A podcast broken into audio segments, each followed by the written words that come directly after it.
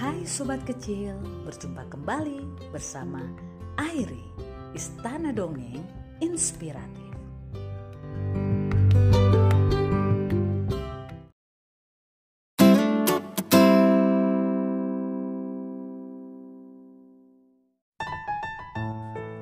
Sobat kecil, pernahkah kalian mendengar suara aneh?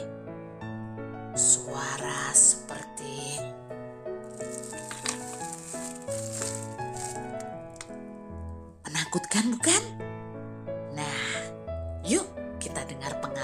pengalaman Aris. Eits, tapi jangan lupa sebelum tidur gosok gigi dulu, cuci tangan dan kaki kalian agar kita terhindar dari kuman-kuman jahat.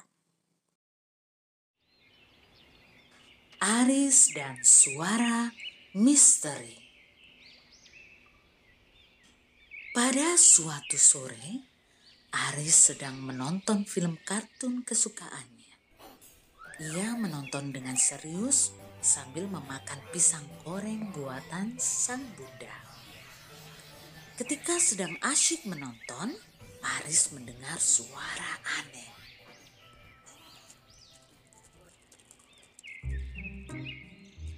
Aris terkejut dan menoleh ke arah sumber suara. Namun, Aris tak melihat ada sesuatu di sana. Aris pun kembali melanjutkan menonton film kesukaannya. Tak lama kemudian, suara itu muncul kembali.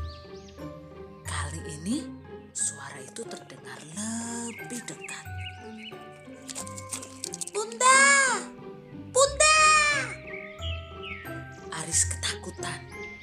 Dia berteriak memanggil sang bunda. Bunda yang sedang menyapu di teras depan menoleh kaget karena teriakan Aris yang sangat keras. Kemudian Bunda segera bergegas menemui Aris. Ia berlari kencang.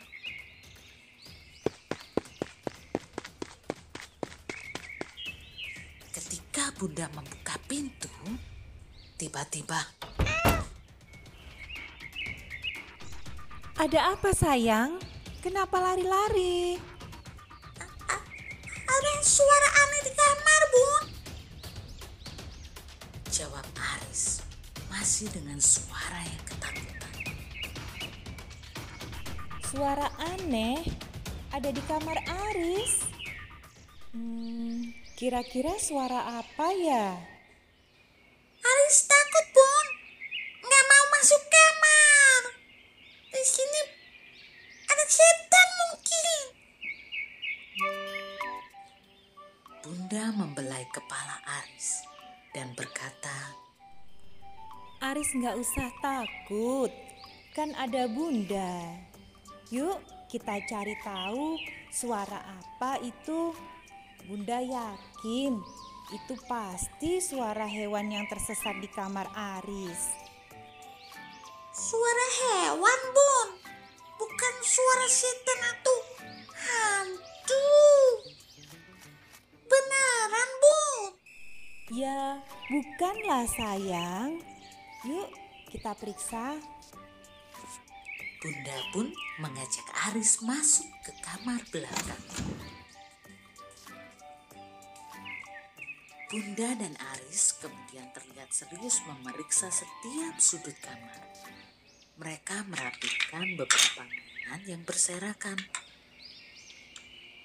Selain mainan, ternyata di kamar Aris banyak sekali jenis makanan ringan yang berserakan. Hmm, kamar Aris cukup kotor sekali. Mm, mm, mm, mm, mm. Bunda bergumam sambil menggelengkan kepalanya. Namun, tiba-tiba Bunda! Aris berteriak. Ada kecoa! seekor kecoa berlari menyelinap di antara kaki Aris. Aris melompat kaget.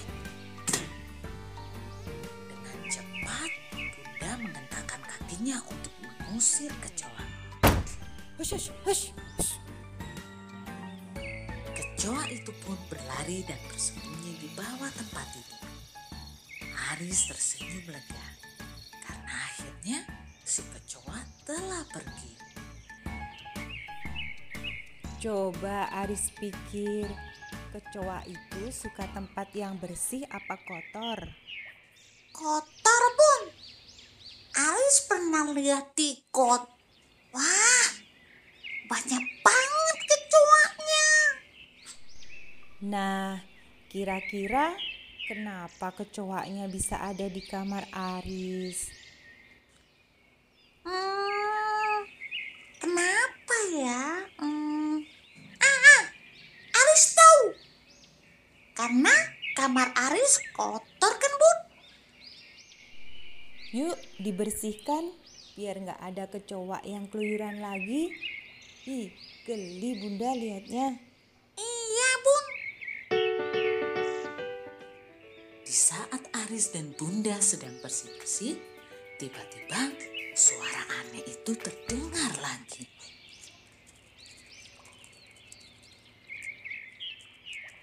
Bun, Bun.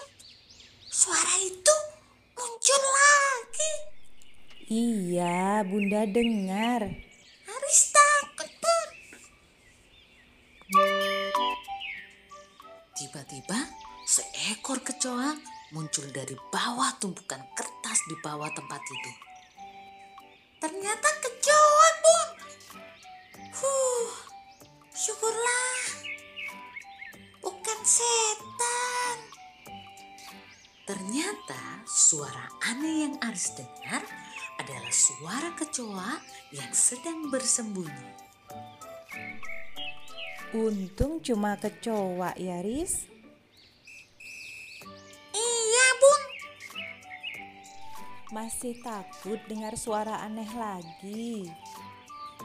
Enggak, Bun. Ternyata suara kecoa. Aris gak jadi takut. Sepertinya kecoanya tersesat, terus mau minta tolong dianterin pulang ke got sama Aris. Aris gak mau. Ih, geli.